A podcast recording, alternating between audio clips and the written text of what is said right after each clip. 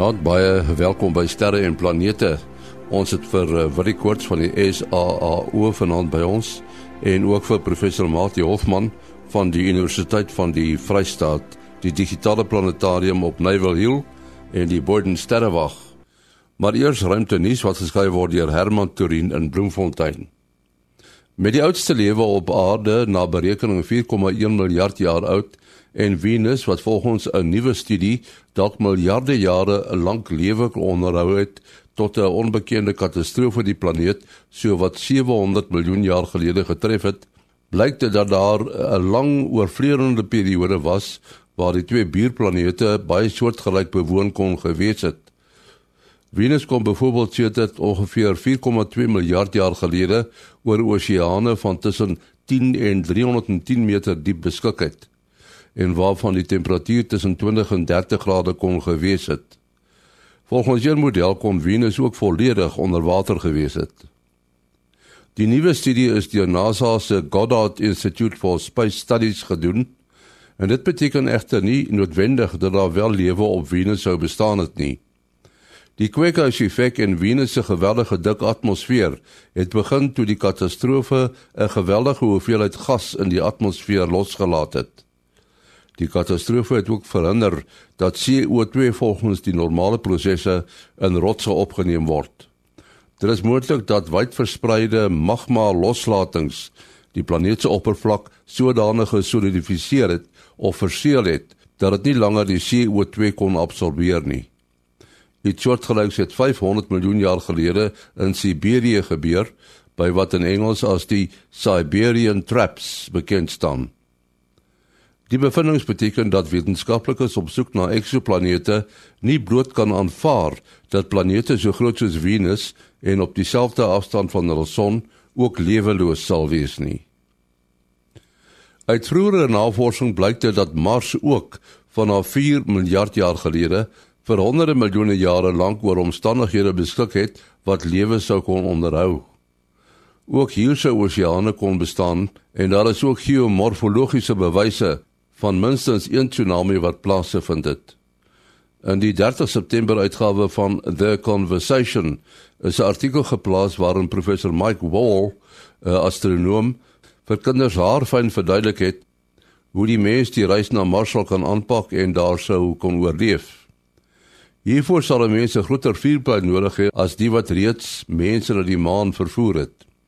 Hy het egter baie klem gelê op die gebruik van koste-doeltreffende brandstof omdat dit genoeg spasie op die vuurpyl beskikbaar sou kon stel waarin voedsel en ander noodsaaklike voorraad saamgeneem kan word as wat andersins met 10 vlugte na Mars onderneem sou moet word. Hy meen 'n brandstof wat reeds op 'n beperkte skaal gebruik word, plasma elektromagneties, kan die taak vervul. Hy verduidelik ook onder meer hoe daar op Mars self voorsorg getref sal moet word teen kosmiese strale. Op Mars is dit meer intens as wat die maksimum dosis is waarin ruimtemanne in 'n leeftyd blootgestel kan word. Dit was 'n ruimtenuus wat geskryf is deur Herman Turin in Bloemfontein. Nou kom ons olkers. Ons het verlede week heel wat interessante goed gehad, maar hierdie week is dit nou redelik stil. Die auroras het natuurlik soos ons voorspel het verlede week ook baie mooi helder geskyn hierdie week uh, gaan hulle bietjie bietjie flouer wees want daar's nie veel korona gat aktiwiteit nie en ons het ook nie eintlik veel van 'n kans vir vir enige uitbarstings nie. Die enigste magnetiese ding wat ons sien op die oppervlak van die son is nog baie ver van geo-effektief af en sover is hy 'n mooi duidelike dipool, magnetiese dipool met ander woorde daar's geen kompleksiteit in hom wat kan uh, wat 'n uitbarsting van 'n koronamassa uitbarsting of so tipe ding kan veroorsaak nie. Dan wat koronagate aanbetref, is daar so so 'n los loetjie van hulle in die in die suidelike halfrond van die son. Hulle is en my waarheid is besig om toe te gaan as ek die ding so kyk. So alhoewel hulle die ons langafstand uh, radiogebruikers 'n bietjie nou teer mekaar maak op die oomblik sal hulle verder in die week soos vir die week aangaan flouer raak. Ons natuurlik 'n baie groot kroonkorona gat by die noordpool van die son en 'n kleiner enetjie by die suidpool soos wat ons verwag hierdie tyd van die son siklus. Dit raak nou baie stil en hierdie kroonkorona gat raak uh, baie baie helder duidelik sienbaar. Dan as ons nou kyk na die stereo satelliete wat nou vir ons agter die horison van die son kan kyk, dan lyk dit vir my asof daar so teen laat volgende week uh, weer 'n paar koronagate kan verskyn. Hulle is besig om oop te gaan agter die horison. Maar verder het ons geen geen pret wat ons verwag vir hierdie hierdie week nie. Uh, Goeienaand almal.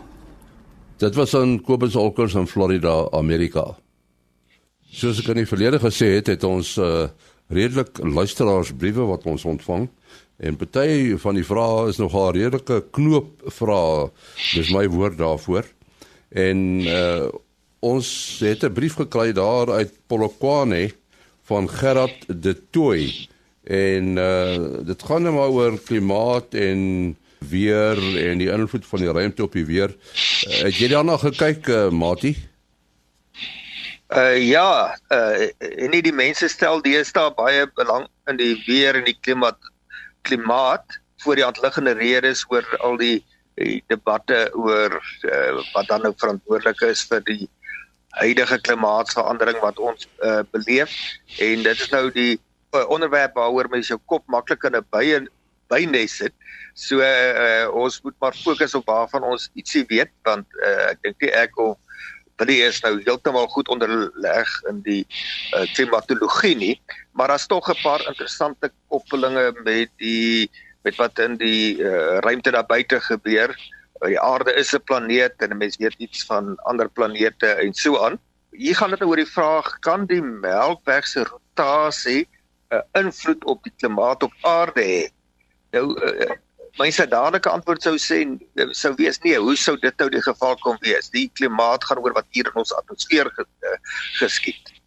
Maar daar is tog 'n uh, bepaalde meganisme ontdek wat 'n uh, noemenswaardige bydrae kan lewer. Dit gaan via die koppeling tussen die son se aktiwiteit en kosmiese strale wat by die aarde uitkom. As ons 'n kosmiese strale dink, dit is vat nou maar 'n uh, deeltjies met baie hoë energie onder andere uh uh protone uh elektrone wat deur die vakuum van die ruimte kan beweeg.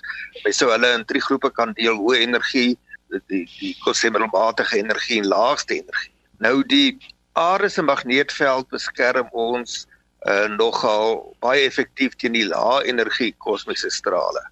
Die son se magneetveld beskerm ons weer in 'n mate teen die die uh, kosmiese deeltjies met, met middelmatige energie. So dit gaan nou oor die son se magneetveld en die son se magneetveld verander saam met sy aktiwiteit.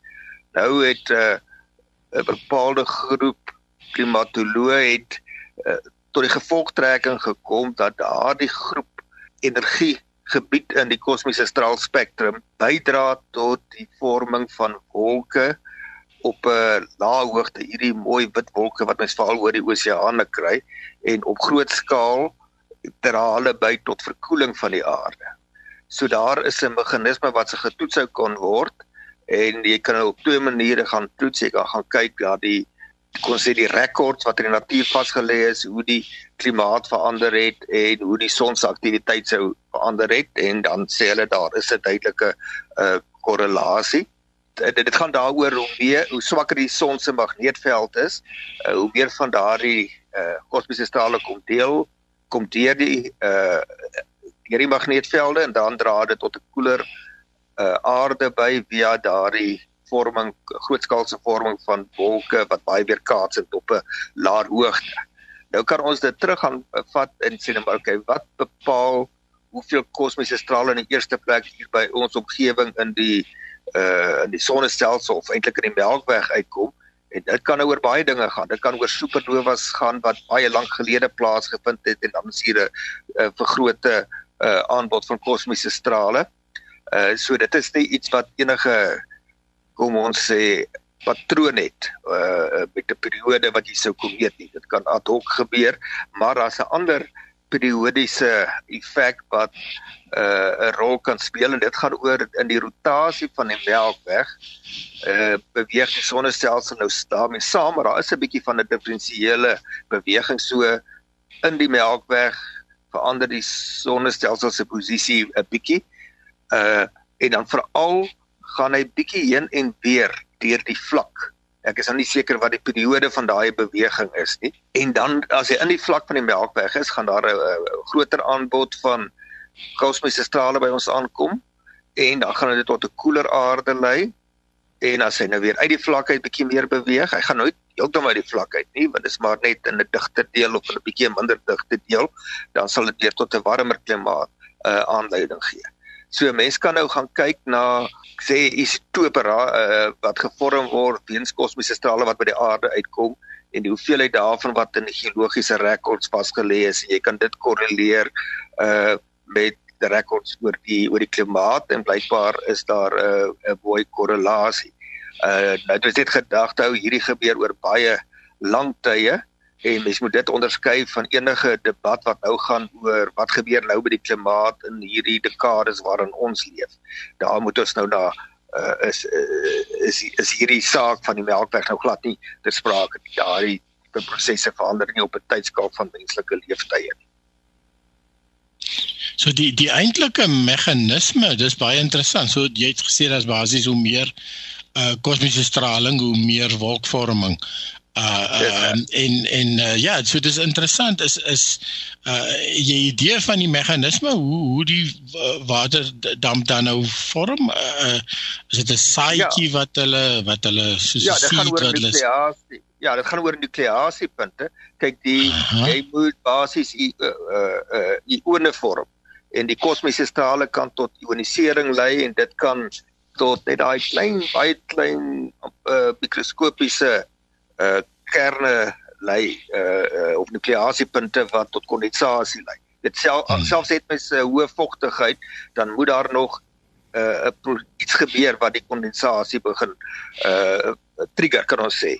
Uh so die die meganisme is in laboratoriums ook getoets, maar nou is die vraag, weet hoe groot is die effek?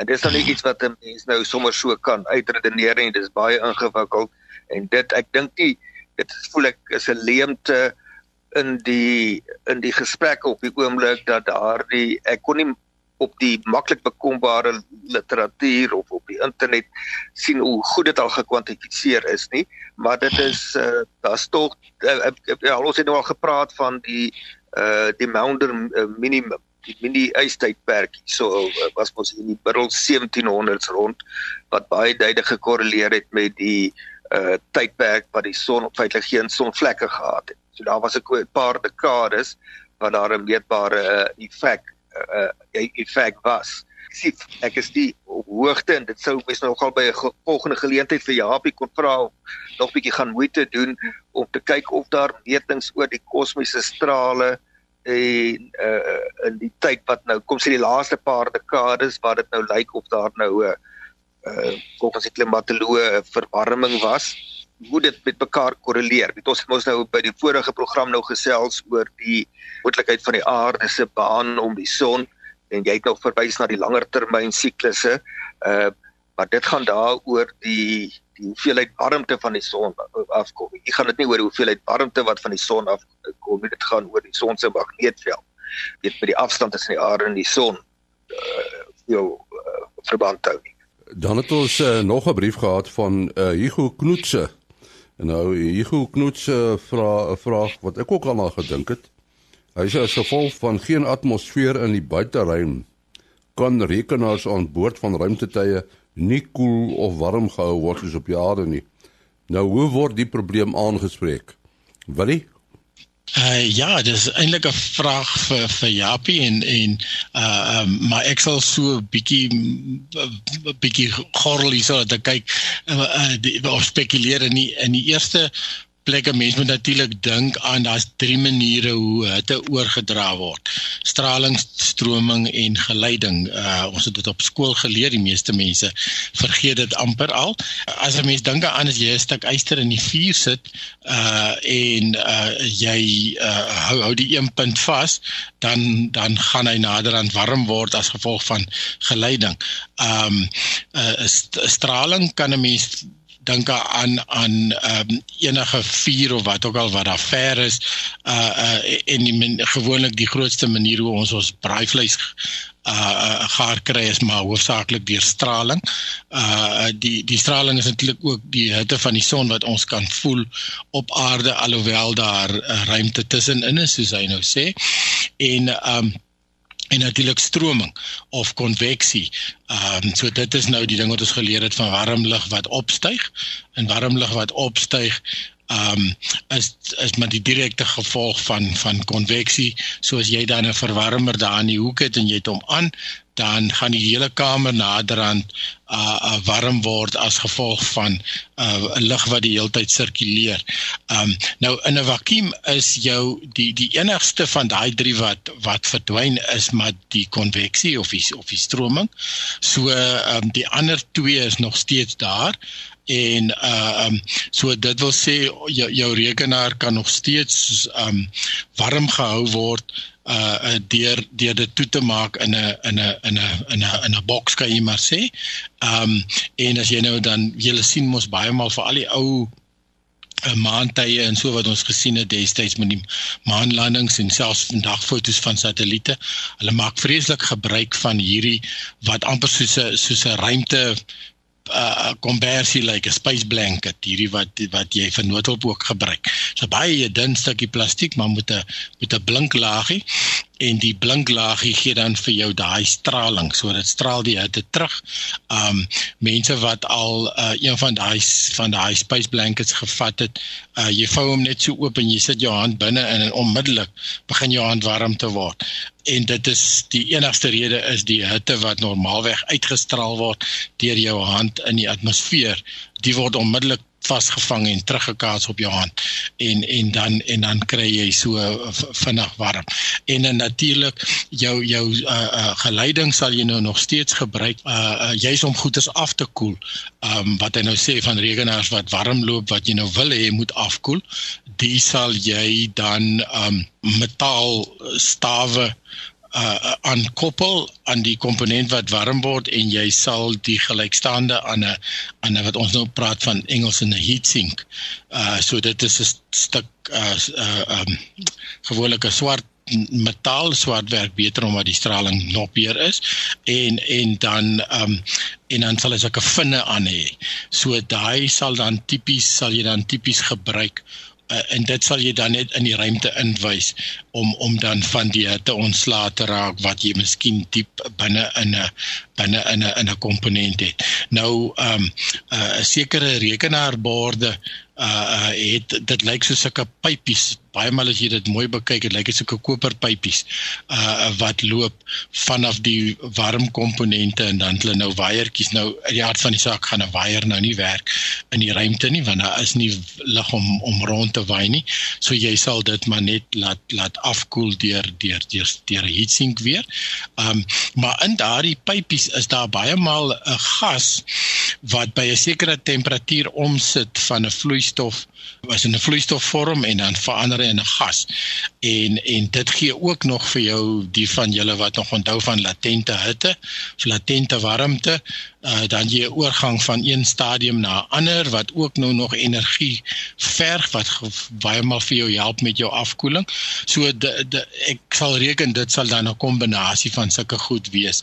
Uh, soos ek sê, dis eintlik maar net die net die die die stra, die die uh konveksie of stromings uh, komponent van die drie maniere om dit oor te dra wat wat uitgehaal word deur die deur die vakuum van die ruimte. Ja, die uh wil net 'n uh, interessante ding wat ek daar sou kon uh, bysit om vir die mense dit nog dalk 'n bietjie duideliker te maak wat betref die konstatering wat die, die konveksie teenoor straling. As mens nou aan 'n kers dink, hè, en 'n mhm. mens hou jou hand uh langs die kers, dan kan jy hom taamlik naby bring. Hy op 'n stadium voel jy die hitte, maar dit is nou nie so hoë temperatuur nie, maar jy kan nie jou hand direk oor die kers vir meer as sê 1 2 sekondes hou nie. En dit wys nou net by daardie bepaalde uh proses as die konveks konveksie wat die die warm gas of plasma van vlam gaan op en daar daar bring die konveksie daardie warm uh lug vinnig met jou hand in in verbinding Uh, en dan voel jy dit, dan bots die warm lug direk met jou met jou hand te langs die kers as die konveksie nie ter sprake nie, dan voel jy net die straling. So uh die die die wat prominent in 'n bepaalde situasie is die die relatiewe rol van hierdie drie meganismes hang af van is daar 'n atmosfeer, hoe dig is die atmosfeer, uh wat is die temperatuur? Straling raak baie prominent by baie hoë temperature. Uh weer weer sy Stefan Boltzmann wet wat dit uh ewerig is aan die vierde mag van die van die temperatuur. So by baie hoë temperature raak die stralingskomponent baie baie hoog. Maar wat nou oor konveksie interessant is, uh as jy nou in die ruimtestasie is wat nou in vryval rondom die aarde is, werk konveksie nie. So as jy 'n kersie daar aansteek, dan brand sy 'n bietjie mooi rond, nie so uh mooi kersvlam vorm boontoe uitgereik nie. Hy brand 'n mooi ronde vlammetjie en hy brand stadiger want die toevoer van lug is nou uh die suurstof is nou stadiger. Want konveksie werk nie daar nie. Konveksie gaan oor die warmer lug wat 'n laer digtheid het en daarom opstyg. Maar dit hou verband met uh met, met konveksie.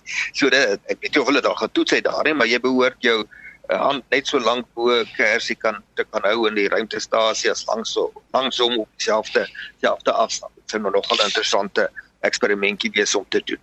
Uh, ja, want dis presies soos jy nou sê in die ruimte en die enigste verskil daar is gravitasie. So konveksie reg, en ja. gravitasie werk natuurlik saam. Ek onthou toe Mark Shuttleworth uh, op is na die ruimtestasie destyds toe hy uh, hulle met hom op 'n stadium gepraat en toe die die tweede aand het hy gesê hy het baie beter geslaap as die eerste aand want hy het by een van hierdie ventilasiepunte waar die vars lug uitgeblaas word, het hy geslaap en hy kon beter asem kry. Toe dog ek, hoe, hoe werk dit dan? En toe besef ek ja, ehm um, ehm um, uh, selfs uh, omdat daar nie konveksie is nie, ehm um, gaan die lug nie ordentlik meng behalwe as jy dit die hele tyd aanblaas met 'n vlam nie. En ehm um, en dit gaan beteken dat as jy nie met jou kop by een van hierdie skagte lê waar uh, uh, uh, uitlate waar die vars lug uitgelaat word, uh, uh gaan jy nogal sukkel om asem te haal. So dit selfs daar is is, is dit ook uh, kom speel dit ook 'n groot rol. Ja, dit is nogal ironies as 'n mens daaraan dink dat uh gewoonlik as die ruimtetuie in 'n baie koue omgewing en met die Parker satelliet is die teenoorgestelde net waar. Hulle moet nou keer dat dit nie te warm word nie, né? Nee ja, die park is eintlik nou na naby die son en so het jy 'n geweldige hoeveelheid um straling van die son wat jy wat jy moet mee uh um van ontslaa raak. So daar gaan hulle 'n sogenaamde radiation shields um um so dit is dan um st stukke metaal tussen jou en die son gaan jy dis soos 'n sambreel amper uh, uh wat jy gaan gaan gebruik. Nou um die die uh James Webb teleskoop het natuurlik uh, uh, uh, so groot soos 'n tennisbaan het hy 'n sonsambreel. Um en alhoewel dit baie ver van die son af gaan wees, uh is die hele idee daar om die satelliet uiteindelik af te koel tot baie baie koue temperature omdat hulle in die infrarooi wil werk. So uh, die jou jou uh, tegnologie van ruimte skepe om um, of ruimtetuie dan om die om om hulle temperatuur te reguleer is nogal 'n groot groot wetenskap. Die die die Sunset ons eie eerste satelliet Sunset satelliet um, het juis 'n probleem gehad omdat die satelliet nie ontwerp was vir die baan waarin hy uiteindelik gelanseer in is nie. En die rede daarvoor is dit ons het nie geld gehad om om vir 'n lansering te betaal nie. So ons het enige enige ruimtetuig wat ons wat Sunset kon opvat was was gebruik gewees en die en die baan het uiteindelik beteken dat die satelliet in die begin was die satelliet kort kort aan die aarde se skade weer wat om kans gegee het om bietjie af te koel maar na mate die baan ge geproses het het hy al hoe meer sonlig gekry en en en uiteindelik ek dink die batterye ook oorlaai en so aan. So dit is nog al 'n hele wetenskap daardie om om ruimtetuie se temperatuur te beheer. Ja, interessant. Wat die wat die Parker satelliet betref, die interessante ding nou weer daar is omdat hy uh basies in vakuum is, is daar nie 'n atmosfeer wat hom uh, kan uh, wat verwarm word deur die son. Die ruimte se temperatuur behalwe as jy nou in die korona kom wat nou naby aan die relatief naby aan die son is wat nou 'n baie hoë temperatuur het maar met 'n baie lae digtheid. Maar as jy nou net die son se uh se warm straling af af kan skerm agter dit is dit dan maklik om solank daai skerm dik genoeg is of effektief genoeg is, uh jy gaan nie agter daai skerm verhit word uh deur 'n atmosfeer om jou nie, wat dit ook vir hulle bietjie makliker maak. Dan gaan natuurlik nou uh, geleiding dan wees deur die skerm. Hulle gebruik nou 'n uh, uh, dik genoeg skerm en ook materiaal wat aan een kant baie weerkaatsend is en dan verder nog baie goeie uh isolasie ook gee. Ons het dan nog 'n vraag gekry uh, die keer van uh, MC Botha daar naby Hermanus. Hy wil eintlik basies weet of iemand al gesien het hoe 'n ster verdwyn, met ander woorde 'n ster tot niet gaan. Nou weet ek nie of dit enigsins al gebeur het nie want dit gebeur gewoonlik oor 'n periode, is ek reg? Ja, ek is bewus van so iets wat al gesien is nie. Ek weet van mense wat al supernovas ontdek het. Uh maar ek dink ook nie dit dat hulle kyk het in 'n teleskoop en hier verskyn die supernova nie. Dit het gebeur aan die een aand gekyk en volg wat daar nie 'n ster sigbaar was nie en toe sy uh sigbaar omdat hy baie helder geword het en na tyd gaan hy dan nou as hy nou homself vernietig het, gaan hy nou nie meer sigbaar wees nie, maar dit gebeur oor 'n kwessie van sê nou maar 'n paar uh maande. Uh ja, miskien weet uh, iets wat ek nie weet nie wat ek in my lewenstyd al gesien het is 'n ster wat uh noemenswaardig helderder word omdat die materiaal wat hom om om uh omhul het uitwaarts beweeg. Dit het hom meer uh blootgestel het, hom meer oopgemaak en dit is 'n baie bekende ster Eta Carinae wat die mense afgelope kom sê 30 jaar of 20 jaar kon sien hy lyk nou baie helderder as wat mense hom onthou. Ons moet afsluit. Uh, wat is jou besonderhede? Ja, mense kan WhatsApp, uh, SMS of bel 072 4579208. 072 En dan Mati 0836257154. 0836257154. En uh, my adres, my e-posadres, dit is die adres wat jy ook moet gebruik as jy vrae aan die span wil stel, is maas.henny@gmail.com gmail.com maas.henny@gmail.com Volgende week is ons terug. Tot dan, mooi loop.